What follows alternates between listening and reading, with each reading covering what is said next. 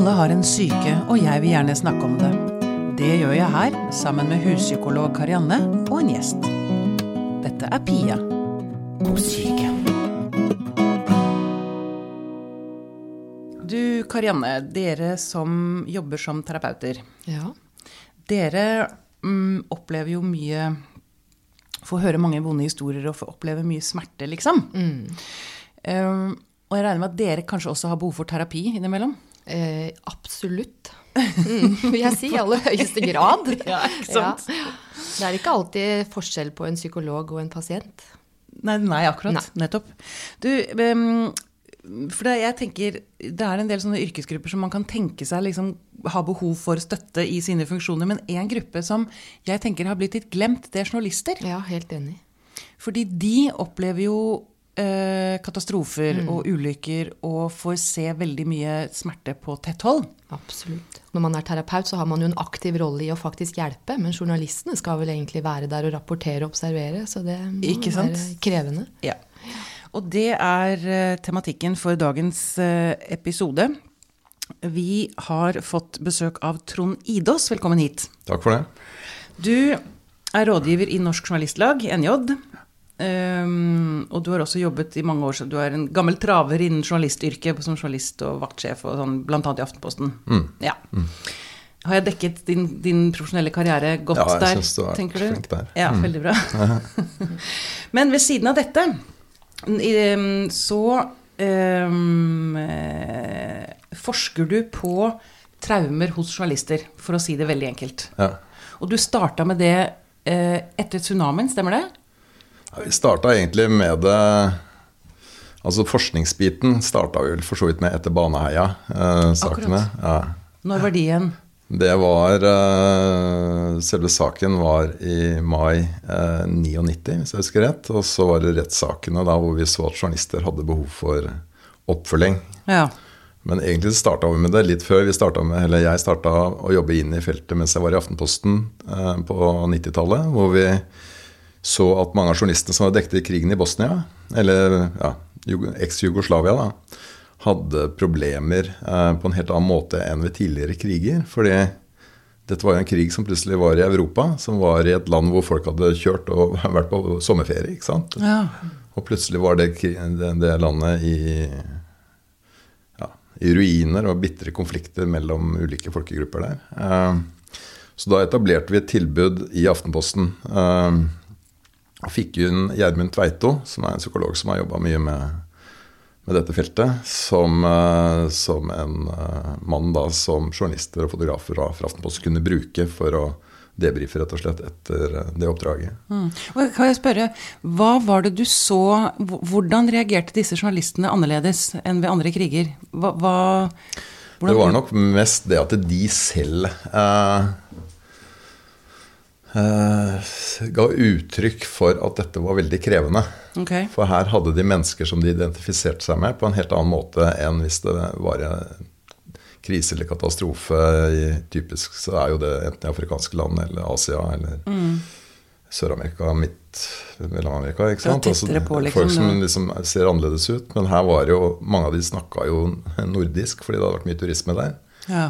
Og spurte om å få låne mobilen din på norsk eller svensk eller et eller annet sånt for å Uh, Og det, det, da blei det veldig tett på. Det var vanskelig å holde den profesjonelle avstanden til uh, ofrene. da. Så var det jo grusomme ting som skjedde der, selvfølgelig. Du, Jeg må bare spørre, du som journalist, har du selv stått oppe i en lignende situasjon? Dekket en katastrofe? Nei, det har jeg ikke. Altså, jeg har dekket ulykker og sånn. Og sånn som, jeg begynte jo som journalist i lokalavisa i Horten, i Gjengangeren. Eh, så det er klart opp gjennom åra så har han jobba mer med ulykker og den type eh, dagligdagse katastrofer, for å kalle det det. Eh, men, eh, men ikke internasjonale hendelser. Nei. Men du, eh, du- Hva var motivasjonen din bak å gjøre dette? Altså, for, eller det, Dette er en gruppe som egentlig har gått litt for lut og kaldt vann.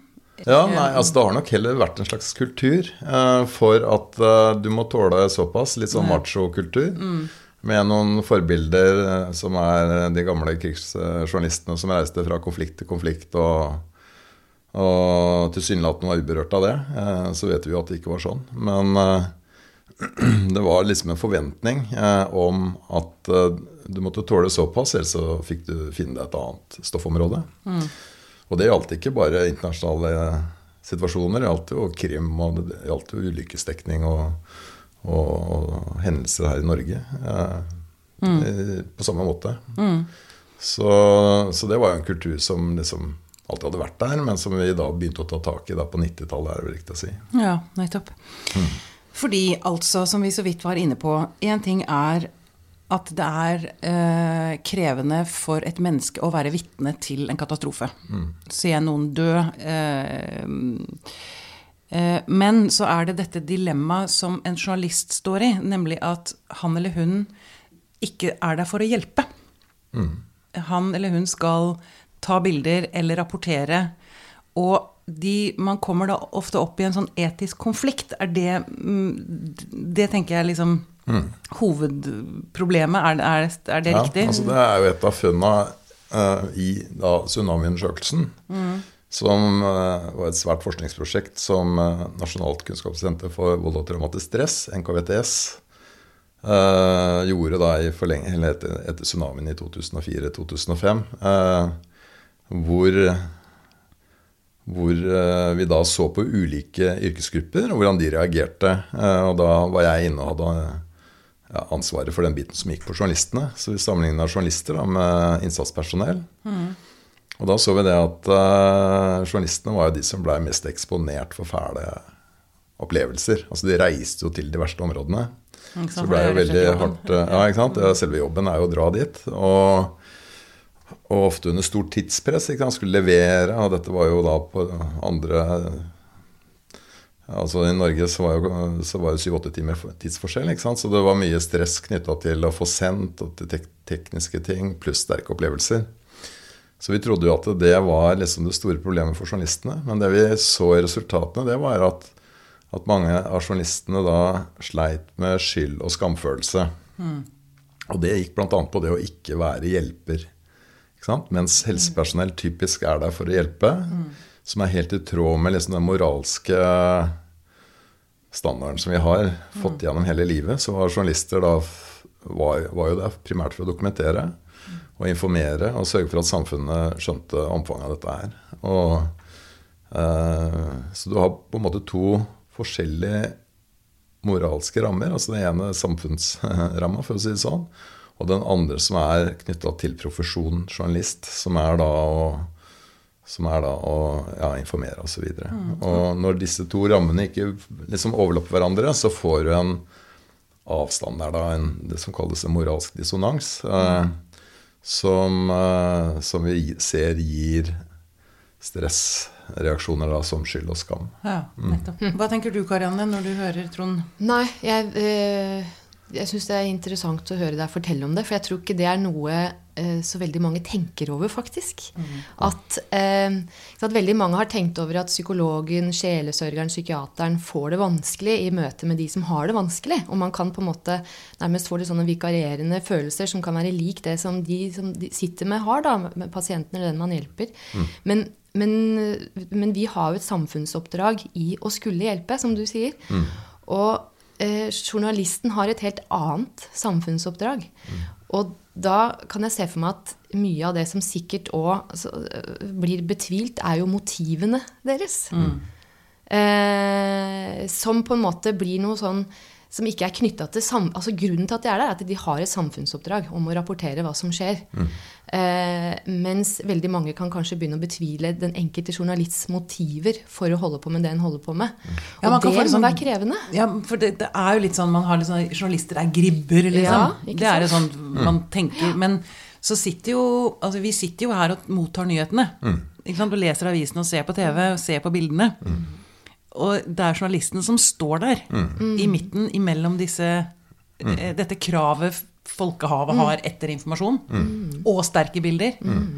Det, er en, det er litt sånn Jeg holdt på å si schizofrent, det er helt feil bruk av det ordet. Men, men du skjønner hva jeg mener? Altså, hvis, Ja, det er det, står liksom dobbelt, et skjæringspunkt som er veldig ubehagelig. Da.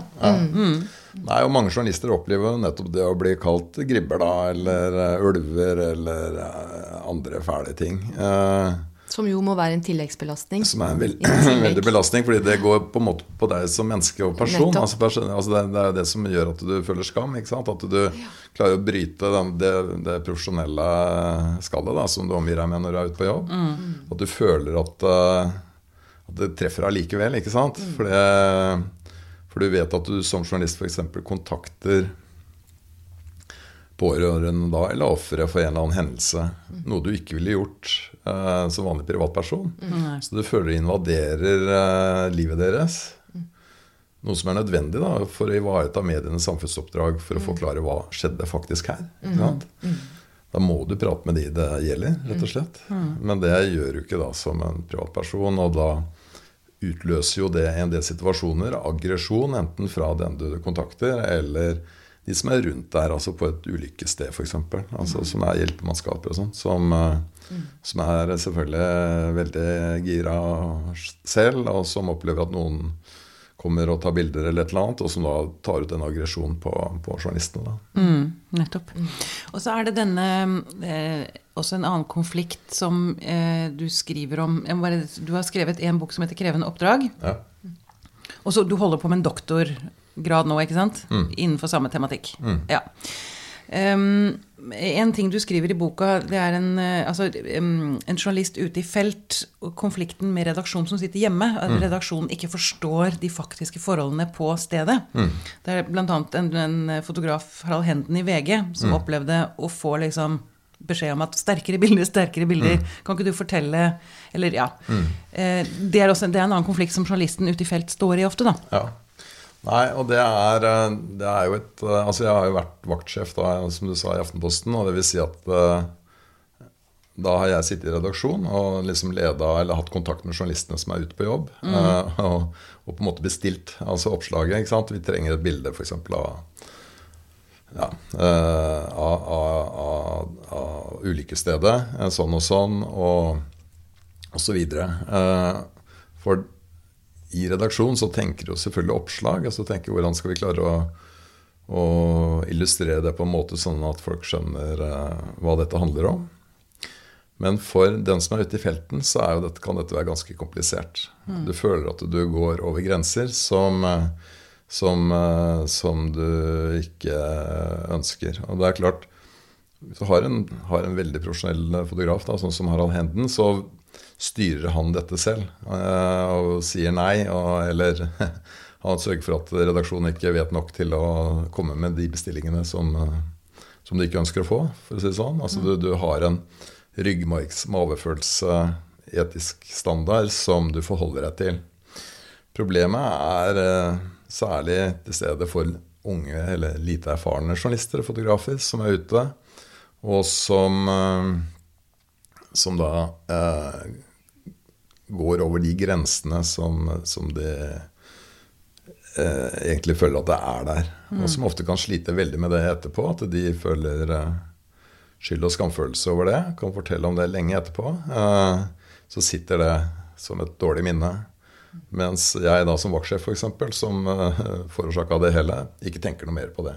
Altså Jeg tenker bare på å få ut avisa, eller få publisert uh, enten det er video eller hva det er for noe, og liksom er, er i stor grad der. Uh, og er liksom ferdig med jobben når den er, er gjort. Mm. Mm. Nettopp. Um, uh, den skylden og skammen som Trond snakker om her, Karianne. Mm. Uh, hva tenker du Hvordan forholder man seg best til den? Uh, jeg, tror, jeg tror det helt avgjørende er antagelig for journalister, som det er for psykologer eller sjelesørgere eller andre som hjelper andre som har vært i en krevende situasjon, å snakke med andre. Mm. Søke støtte, rett og slett. Eh, det er jo ikke noe som er mer giftig enn skam som ikke blir snakka om. For den er jo taus i utgangspunktet. Og, og, og, sånn sett kan bare øke og gjøre det enda vanskelig. Så jeg tror det å Og ikke nødvendigvis sånn type eh, standardiserte, systematiske debrifingsprosedyrer, men bare det å få snakke med en kollega eller noen som kan forstå hvor vanskelig dette har vært. Ja, det kan holde det, liksom. Man trenger ikke å gå i terapi. Nei, man skal ikke patologisere den skylden og skammen, for det, for det er nok det er, no, det er, noen viktige signaler der.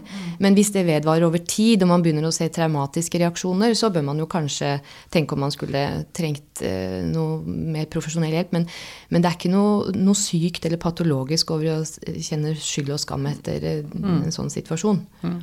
Det er, det er, det er naturlig. Ja. Mm. Men det er egentlig det rådet som vi alltid kommer med. Snakk, ja. om, snakk om, det, liksom. Det er viktig Søk sosialstøtte, rett og slett. Ja, mm. Du, Trond, når du ser på forskjellige typer hendelser, sånn som Baneheia, eh, tsunamien, 22. juli, mm. ser du forskjeller i hva journalister sliter med et, i ettertid? Ja, altså Vi ser jo forskjell på forskjellige typer saker. Én eh, ting er jo saker som handler om ondskap. ikke sant, 22. juli. Eh, slår selvfølgelig mye sterkere enn det å dekke en ulykke hvor en eh, steinblokk har rast ned og truffet en bil, ikke sant, som er en eh, litt sånn skjebnebestemt hendelse som kan skje hvem som helst. Det, det ser vi at journalister er ganske robuste i forhold til å dekke. Eh, ja. Mens eh, overgrepssaker mot barn, f.eks. Eh, Alvdal-saken har jeg sett en del på. Eh, Baneheia. Eh, så det, det, er, det, går mye dypere inn i sjela. Og det er mye vanskeligere å holde avstand til privatlivet. Du har lett for å tenke på dine egne barn, din mm. egen familiesituasjon. Mm. Uh, skille mellom journalist og vanlige menneske viskes ut, på en mm, måte. Mm, mm.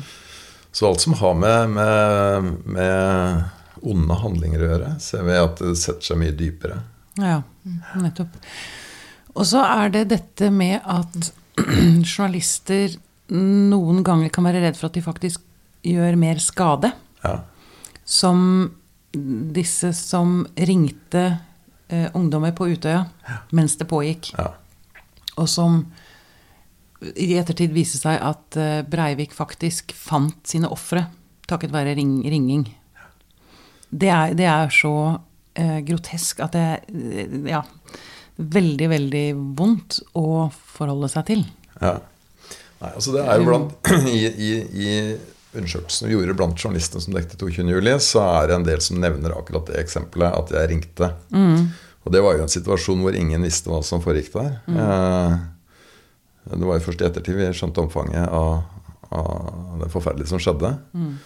Eh, nå er det ikke Det er kanskje én eller to i hele undersøkelsen som sier det at vedkommende jeg ringte, overlevde ikke. Eh, det vet du uansett ikke om det var pga. at de prata med dem, eller hva som gjorde at de ble, eh, at de ble skutt og drept. Eh, men det er klart at da føler, du føler jo veldig på det. Og det er mange som beskriver de dagene det gikk fra 22.07. til lista over uh, overlevende og omkomne eller drepte da ble kjent, som helt forferdelig. Mm.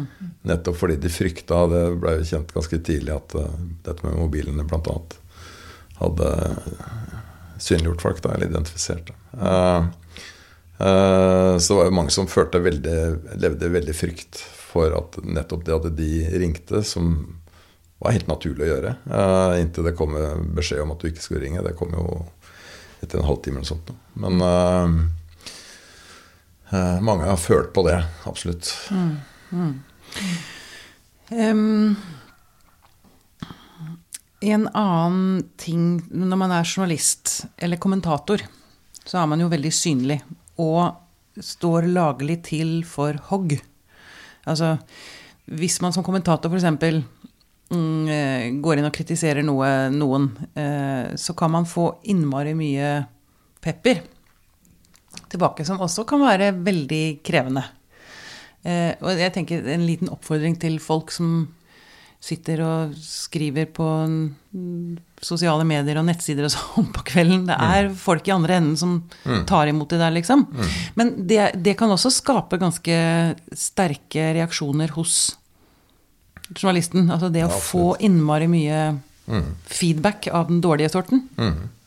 Helt klart. Nei, altså det er klart det um, Altså Én ting er jo rene trusler eh, om, eh, om, om, vold, ikke sant. At du kommer til å Ja, For det får de også, selvfølgelig. Ja, ja, ja.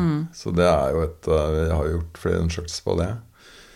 Og særlig journalister som jobber med krim, f.eks., men også politikk og, og økonomi i næringslivet, og sånn, opplever det. Eh, Men, eh, så det er et vesentlig problem. Og det har jo to sider. Det ene er, er, er det demokratiske problemet, men det rett og slett at den såkalte chilling-effekten, som er at journalister da velger å ikke dekke grupperinger eller temaer som utløser mye trusler og trakassering. Sant? Det er et demokratisk problem. Altså det er, for det er, det er noen grupper da som i stor grad bruker dette, eller som utløser den type reaksjoner fra, fra mange folk. ikke sant? Så det er jo den ene, og den andre er jo den helsemessige eh, siden av det. Og, og det vi ser, det er jo ikke overraskende at det fører til eh, angst og depresjon og, eh, og også mm. eh, blant journalister. Så det er, det er et viktig problem å ta tak i. Eh, og det vi har gjort fra, fra Journalistlaget og Redaktørforeningens side, er jo å, å ligge litt tett på Riksadvokaten der, som er den instansen da som eh, hvert år sender ut eh, lister til politiet eller ja, om hva, hvilke typer saker de skal prioritere i sin etterforskning, og, og som også da skal prioriteres av statsadvokater og rettssystemet. Eller inn mot rettssystemet. Og så der er journalister inne. altså Trusler mot journalister er inne der som et prioritert område nå. Og det har vært oh, ja. noen år. Mm. Akkurat. Så vi har jo fått mange flere dommer nå de siste åra for trusler og trakassering av journalister. Og det er klart det er, eh, det er veldig viktig. Det, som, det vi så da vi begynte å jobbe med det, det var at journalister som opplevde dette, i stor grad gjorde det til et privat problem. Altså at det ikke var en trussel mot redaksjon eller, eh, eller eh, ja, mediet de jobba for, men at dette var noe de selv forårsaka. For her også så vi det at mange sleit med skyld og skamfølelse, eller at mange sliter med skam og skyldfølelse etter å bli trua, fordi de har laget en sak som eh, som en eller annen har blitt veldig forbanna på, f.eks. Uh, og så tar de det ut gjennom en trussel, og så føler de at de kanskje gikk litt langt eller et eller annet. Jeg vet ikke. Og så føler de også at de burde vært tøffe nok til å Eller må være tøffe nok til å stå i den type kritikk, siden de liksom opererer i det offentlige rom. At du må tåle det som journalist. Har vært litt holdning. Men det håper jeg da at vi har klart å endre litt på, da, i hvert fall. Mm. Og jeg lurer på, Er det sånn da, tror du, at den, den skylden og skammen som, som kan helt naturlig komme, eh, kan bli litt ekstra sterk nettopp fordi det kan ligge en form for kodeks der med at dette bør man tåle? på en måte. Altså sånn Ja. Hvis man får angst og depresjon og mer sånn PTSD-symptomer, så, så er det som om man er spesielt skjør eller skrøpelig eller skakk eller Kan det være med Ja. å forsterke det ytterligere? altså? Ja, det har, det har, det har i hvert fall vært en, den type kultur. Så tror jeg vi er i ferd med å få endra den. Ja. Og det har, eh, altså det har jo vært en eh, Siden jeg begynte journalistikken på slutten av 70-tallet og fram til da, så har det jo vært en enorm utvikling. Altså både når det gjelder eh, kjønnssammensetningen i redaksjonene og kompetansenivå blant journalister, eh, så har det vært veldig store endringer. Så det er jo en veldig annerledes redaksjon du kommer inn i i dag enn du gjorde da rundt 1980 eller noe sånt. Ja. Så det er det også faktisk reagere og det å ha følelser og det å snakke om hva dette gjør med deg, er blitt stuereint, på en måte. Det er eh, blitt skumlere hvis du ikke viser noen form for reaksjoner på noe som helst. Nettopp. Fordi det er vi jo sant, opptatt av psykologien. sant? Altså at Dette kan ramme alle. Det kan ramme blindt, og det kan komme plutselig på pga. en belastende hendelse. Sånn at man er blitt opptatt av å normalforklare det, på en måte. da. Eh, og det avgjørende altså Man er jo opptatt av hva er det som beskytter, da, selvfølgelig. Man må prøve å finne ut av det og hva er risikofaktorer og sånn. Men det, det viktige er at man er ikke spesielt skrøkelig og skakk, selv om man kan oppleve vanskeligheter knytta til det. Så det er jo Ja, så ser vi jo to ting der. Det ene er jo at noen som er veldig robuste da, i de Ja. aller fleste situasjoner, kan være sårbare i, enkelte situasjoner som kommer veldig nært livet deres. Ikke, Ikke sant? sant? Eh, Det er jo det ene. At jo nære livet ditt er, jo mer sårbar er du. Og det andre vi ser med journalister, er jo at det bygger seg opp over tid. Ja. Ikke sant? Altså det er Gjermund Tveito, da. psykologen jeg jobba mye sammen med, han liksom sammenligner det med en sekk som du hele tiden tar litt mer i, og litt mer og litt mer, og så til slutt så klarer du ikke mer. Det er flere og flere saker, liksom. Ja, ikke sant? Som du aldri får bearbeida. Mm. Så det er en en fotograf jeg har jobba en god del sammen med. Uh, han fikk PTSD da han var nærmere 60. Akkurat, for det har bare bygget seg på. bygget seg opp. Og det, det, det som utløste det, det var at han eh, da våkna om natta og plutselig var tilbake i Sør-Sudan. Eh, tidlig på 90-tallet, hvor det var en svær sultkatastrofe. Og tusenvis av barn som sulta, holdt på å sulte i hjel. Eh, og som skreik og hyla, ikke sant. Og han var der da for dagereportasje, selvfølgelig. Eh, Så opplevde han da å våkne den natta, 20-25 år etterpå, av katter som slåss ute i bakgården. Og du vet, katter som eh, holder på, de, det høres ut som små barn. Så de små, eller de, De kattehylene, kattehylene, de trigga da de gamle minnene. Og så ble han da veldig syk. Eh, og var sykemeldt et år, tror jeg, Ja, før han kom tilbake i vanlig jobb. Men da vil det vel være en idé å altså, Er det nå en, en kutyme at man debrifer journalister som har vært ute på tøffe oppdrag? Det Nei, det. er er det ikke. Altså du kan si at det er ikke debrifer sånn i profesjonell forstand. Altså det, eh, men det er en helt annen bevissthet rundt oppfølging. eh, og det, det vi ser fungerer best, er det Karanne var innom i stad. Nettopp det å prate med erfarne kolleger. Ja. Rett og slett. Altså folk som du stoler på og kan være åpen med. Eh, og gjerne mens dere er ute på jobb.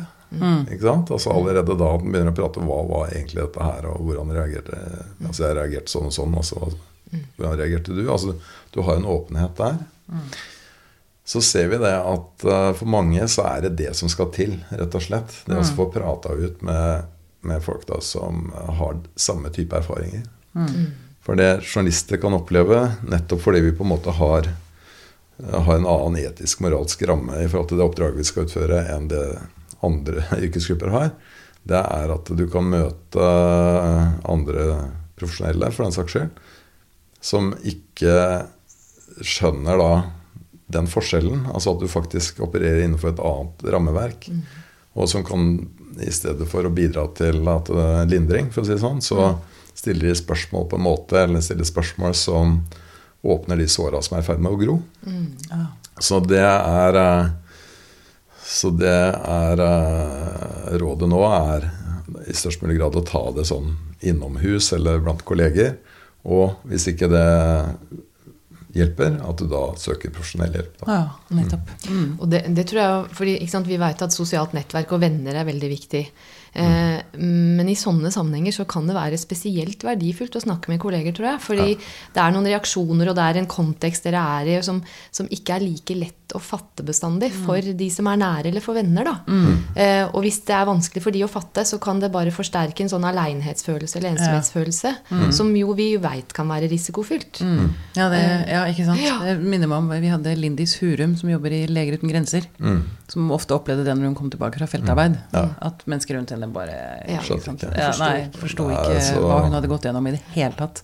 Og, det, og hun snakket også om den ensomhetsfølelsen mm. Ja. Ja. Nei, jeg tror du rett og slett må prate med noen som har vært der. som har vært der, ja. Mm. Eller ja. Men eh, er det andre råd du vil gi redaksjoner, redaksjonsledere rundt sånne ting som dette? Altså Dette tar jo tid, ikke sant. Mm. Det er jo blant de utfordringene vi har nå etter alt mediebransjen har vært igjennom med innsparinger og kutt og nedbemanninger og alt det greiene der. At, eh, at den slacken som du hadde tidligere til å liksom eh, komme inn i normal igjen etter å ha vært ute på et litt tøft oppdrag, enten det er i Norge eller i utlandet, det er i mindre grad her. Og så er det spesielt viktig å følge med på de mer dagligdagse sakene. For når vi spør journalister hvilke type saker øh, har vært mest belastende i din karriere, så er det ikke nødvendigvis det at de, de dekte tsunamien. Det kan være den første trafikkulykken de dekte, f.eks. Mm. Som var øh, veldig Hvor det var mange groteske inntrykk. Og som er veldig nært eget liv. Altså jeg tenker at Dette er jo så tilfeldig at det kunne vært meg. Eh, eller og rettssaker, overgrepssaker. Ikke sant? Uh, hvor uh, Ja. Du ser liksom en side av Norge du ellers ikke tenker at det er der, rett og slett.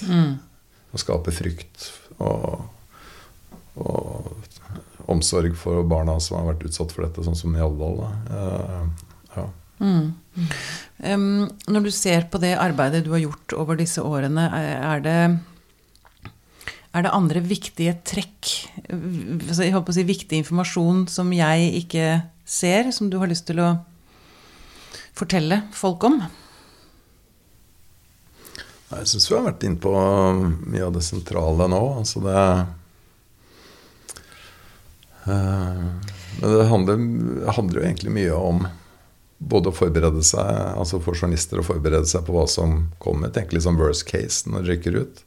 Ja, for det, det tenker jeg det må være litt sånn sjokkartet. Altså, du kommer jo, altså, en ulykke er jo ikke varslet. Det er sånn nå, ut, husj.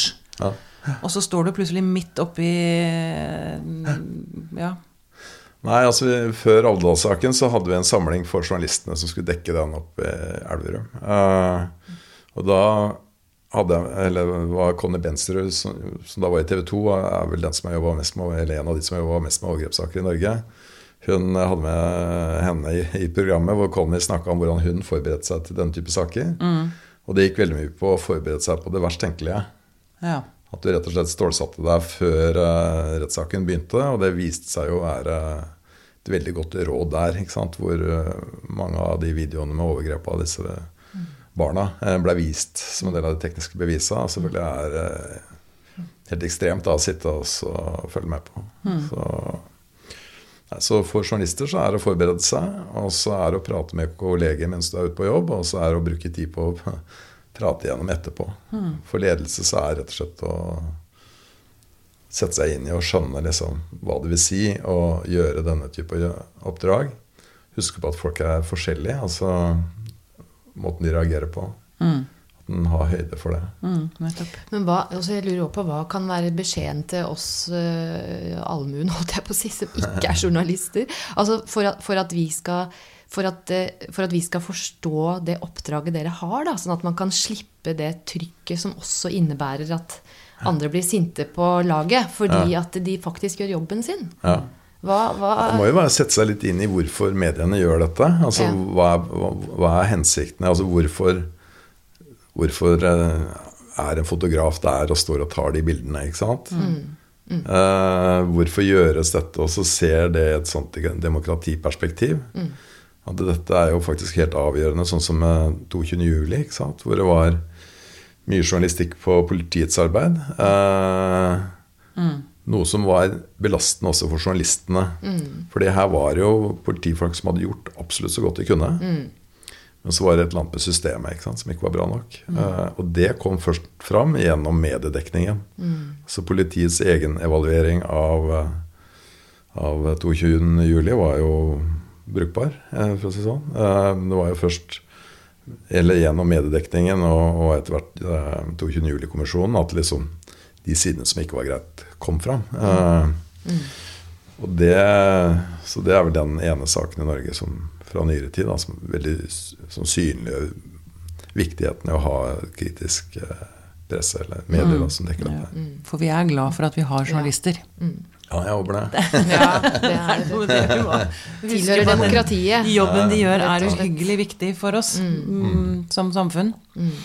Du, nå mot slutten, Trond, så har jeg også lyst til å vende lyskasteren mot deg. Ehm, For du har eh, for ganske nøyaktig et år siden så holdt du på å dø, rett og slett. Ja. Eh, og du brukte mye av den altså For du, du, i ditt arbeid så er du også opptatt av posttraumatisk vekst. Ja. Og du har brukt mye av det du lærte i din egen situasjon òg. ja. For, fortell litt om det. ja. Hva, hva var det som skjedde? Nei, det som skjedde, var eh, at uh, hodepulsåra mi sprakk. Altså det som heter en aorta aortadisseksjon, uh, som er noe som kan skje helt plutselig. Og da er det selvfølgelig veldig kritisk, for da pumpes blod ut i kroppen. Uh, altså dette er jo noe nesten alle dør av, som, som rammes av dette. Men jeg var veldig heldig. Altså for det første så hadde jeg en, eh, eller har jeg, en nabo som kan mye førstehjelp. Eh, som umiddelbart ringte ambulanse. Uh, og så var ambulansen like i nærheten. Og uh, så klarte de da å få starta hjertet mitt igjen, eh, selv om selv om selv etter, etter ja, 15 minutter faktisk Oi. sto hjertet. Og så klarte de faktisk å starte det igjen gjennom hjertekompresjoner. Men da hadde de gjort alt riktig med å få oksygen i lungene mine. Og gjennom kompresjonene fikk det oksygen til hjernen. da. Ellers så hadde nok ikke jeg sittet her i dag. Og så var det jo rett på Ullevål og blei operert av flinke folk der. og og ja, så har jeg mm. kommet meg, da. Mm. Men det er klart at den type opplevelser som kommer så plutselig, det er jo Det setter jo et støkk i deg, selvfølgelig, og i mm. familien og alle rundt deg. Mm. Eh, er jo fortsatt veldig prega av dette. Eh, og så er det da mange som uh, opplever sånt, som sliter med angst og depresjoner etterpå. Ja. 30% eller sånt. Det er en som har forska på det. Uh, og det er jo ikke så veldig rart når sånt kommer kasta på deg, rett og slett. Mm. Fra å være en normalt frisk og sporty mann eller kvinne, så er du plutselig eh, ja, oppdager at livet er, er, på ingen måte gitt. Det er veldig små marginer. Og hadde dette for min del skjedd altså Jeg hadde akkurat vært gjest i TV 2 og snakka om eh, metoo og seksuell trakassering, og så gikk jeg bare derfra og så hjem. Mm. Uh, og så gikk jeg i bakken akkurat på utsida av huset hjemme. Mm. mm. Jeg husker ikke noe av dette. Det er jo mye som er borte mm. fra minnet. Men, uh, men er, uansett så kommer dette fullstendig overraskende. Men hvordan har du brukt liksom, det, det, arbeidet du har gjort med, med mm. ja, forskningen du har drevet med, hvordan har den hjulpet deg liksom, til å Nei, altså, du vet, det, altså, det jeg har sett i forskningen da, på hvordan det går med folk etterpå, uh, er at jeg har mye med perspektiv å gjøre. Mm -hmm. Jeg har vært veldig opptatt av å tenke på at det at jeg overlevde det, som en styrke. Ja. At jeg faktisk overlevde, ikke sant, mot alle odds. Eh, så gikk det bra. Eh, og jeg har vært opptatt av å bygge opp under det da, gjennom det jeg kan gjøre sjøl, som da handler mye om trening. Mm. Og komme eh, Altså, jeg lå jo tre uker, altså to ja, to-tre uker i senga rett og slett for jeg fikk noe ja, Først lå jeg i koma over en uke, og så fikk jeg noe blodpropp og noe greier i lungene. Så, det, så, jeg lå veldig lenge. Så da jeg omsider da skulle komme meg ut av senga, så hadde jeg ikke muskler igjen. Så jeg gikk jo rett i bakken. Eh, måtte, så jeg begynte rett og slett å måtte ja, helt sånn trene på én knebøy, og det var helt, helt utrolig hvor mye som var borte. Mm. Uh, men så merka jeg jo at kroppen responderte veldig godt på at jeg utfordra den litt. Altså mm. trente. Mm. Gikk til å begynne med selvfølgelig med en sånn prekestol og oksygenmaske og alt mulig rart. Men etter hvert så, så, så blei jeg fort bedre. Mm. Fikk god hjelp av fysioterapeuten der, en som het Nina, til å liksom presse meg sjøl litt. Klare å gå to trapper, tre trappetrinn og ja, Det med å ha litt fremgang eh, hjelper på selvfølelsen. Ja, ikke sant? Så det, ja, mm. så, det, det, så det, har jeg jo rett og slett dyrka videre. Bare mm. at uh, prøvde å tenke positivt. Jeg har liksom ikke gått og vært engstelig for at dette skal skje igjen, eller at noe skal svikte. Mm.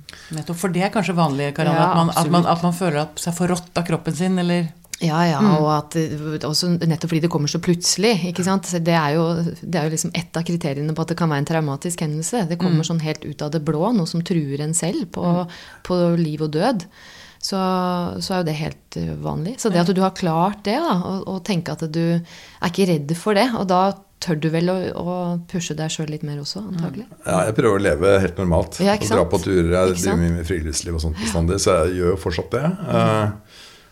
Og, og det, det, altså det, høres veldig lettvint å si at det har jeg bestemt meg for. Uh, ja.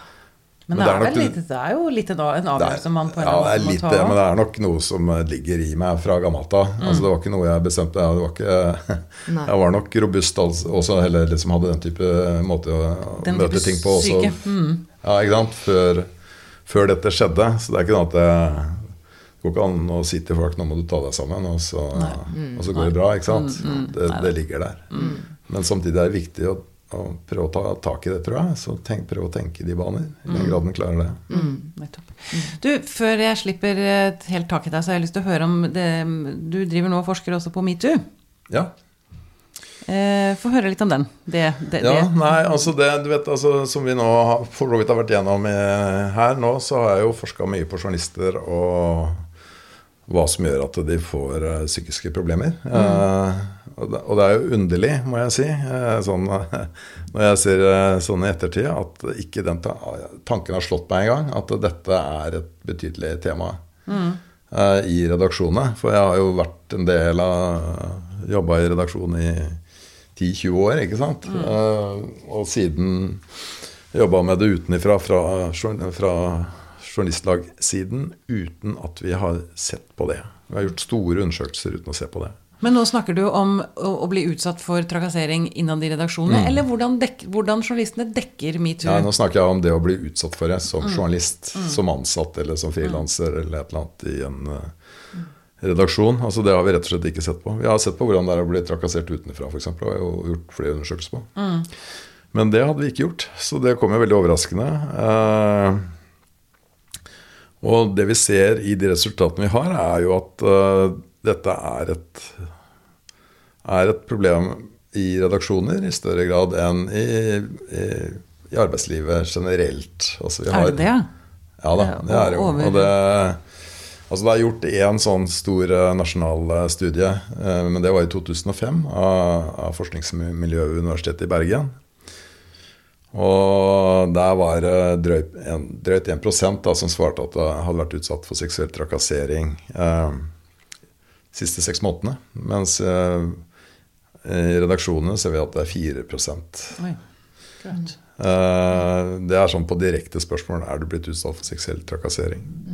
Når vi går inn og ser på ulike former for seksuell trakassering, uten å kalle det seksuell trakassering eh, Litt sånn type sånn at folk ja, sånn tafsing, som vi kaller det, eller blikking, som det heter nå, og mer sånne ting. Så er det jo én av fire omtrent som har opplevd det i redaksjonene. Som også er vesentlig høyere enn i den generelle studien fra 2005. Og ehm, Så dette er, er jo et åpenbart, åpenbart et problem, og vi ser at en del velger å slutte i jobben, en del får helseproblemer. Eh, så det har jo ulike typer konsekvenser som er veldig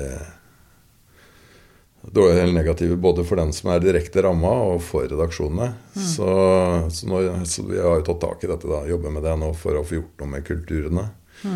Og så tror jeg jo at Eller jeg er jo vel ganske sikker på at den store runden som har vært rundt seksuell trakassering i forlengelsen av metoo-bølgen, eh, har endra holdningene for hva som er greit og hva som ikke er greit. At det er, du slipper ikke unna på samme måte som du gjorde før oktober i fjor, for å si det sånn. Mm, nettopp. Karianne, bare høre to ord fra deg også om eh, Nå blir det generelt på seksuell trakassering. Det er mulig Vi burde egentlig lage en egen podkast på det. Det har vi ikke gjort. Hva, hvordan, hva, hva gjør det med et menneske? Nei, det er jo krenkelser.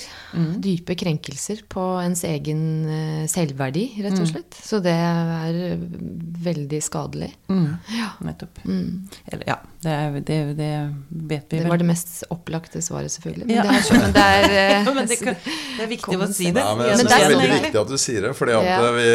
der også er litt sånn holdning at sånn har alltid vært. Nettopp. Det må vi må du, altså, du må komme deg videre, liksom. Ja. Dette Ja. her, såpass må du tåle, Ja. er vel det vi har, vært, har jo vært inne i enkelte seksuelle trakasseringssaker før. Ja. Hvor de også har fått høre det fra kvinnelige sjefer. ikke sant? Ja. At uh, du skulle bare visst hvordan det var på 80-tallet. Ja. Ja. Ikke sant? Det har ikke vært mye støtte å hente, liksom. Nei, ikke sant. Eh, Så da må Det det, fortsette. Da må det bare fortsette sånn. ja, nå må du bestemme deg. Når jeg ikke fikk noe støtte, skal jaggu ikke du ha det heller. Ja. Vil du være journalist, eller? Ja, ikke sant? Og så er det så vanskelig å verne seg mot det. Det er Ja. det også som gjør det så utrolig komplisert og vanskelig. Fordi det kan kanskje være litt sånn subtile ting. Og da, altså, hvordan skal man klare å verne seg mot det litt sånn ukontrollerbare, Ja. subtile, Ja. eh, som allikevel er dypt krenkende? ja, så ser vi at det ofte Hvorfor, tror du, unnskyld, hvorfor er det mer av det i journalistiske miljøer? Tror? Nei, altså Vi ser de gruppene som er spesielt utsatt, er jo midlertidig ansatte, f.eks. Mm, ja. Som liksom føler at de må tåle det for å De tør ikke å si fra. For å få forlenga Ja, kontrakten, for å si det enkelt. Mm. Eh, Pluss at de selvfølgelig er lettere tilgjengelig, for å si det sånn. Mm. Eh, fordi at du frykter ikke for at det blir varsla. Fordi at du er i en lederposisjon, og de er avhengig av deg for å få forlenga. Så det kan jo være den type kyniske betraktninger. Og så er det jo ofte unge jenter rett og slett da, som, eh, som er attraktive, og som liksom er i Ja, som, som sånn sett så er spesielt utsatt. Ja. Enten det er journalister, eller om du jobber i teater, som jeg har sett, eller film. Eller, det er jo noen yrker som og bruken av midlertidige og frilansere er mye større. Og jeg tror nok gjennomgående vil finne se at dette er et mye større problem der enn i andre yrker. Mm. Men det kommer en eh, rapport på dette også fra deg? eller- Ja, ja da, for så vidt. Jeg holder på med en artikkel om det sammen med, med, med en forsker ved, ved journalistutdanningen i Oslo. Ja. eh, Kristin Skare Orgeret. eh, som har vært inne i, i redaksjonene og, og intervjua dem om en del av de funnene. Både i denne spørreundersøkelsen og hva som ellers har kommet fram. Ja. Når, når Ja, jeg har et eller Vi har et sånt grovutkast klart. Men du vet, det å publisere sånne fagartikler, det er veldig annerledes enn å publisere redaksjonelle ting. Ja. Det er ofte runde på runde, så det er jo det som er problemet. At det kommer ofte flere år etterpå. Ja. Men uh, ja, det kommer. Det kommer. Det er bra. Veldig bra. Eh, Trond Idås, tusen takk for at du kom til oss. Tusen takk for at jeg fikk komme.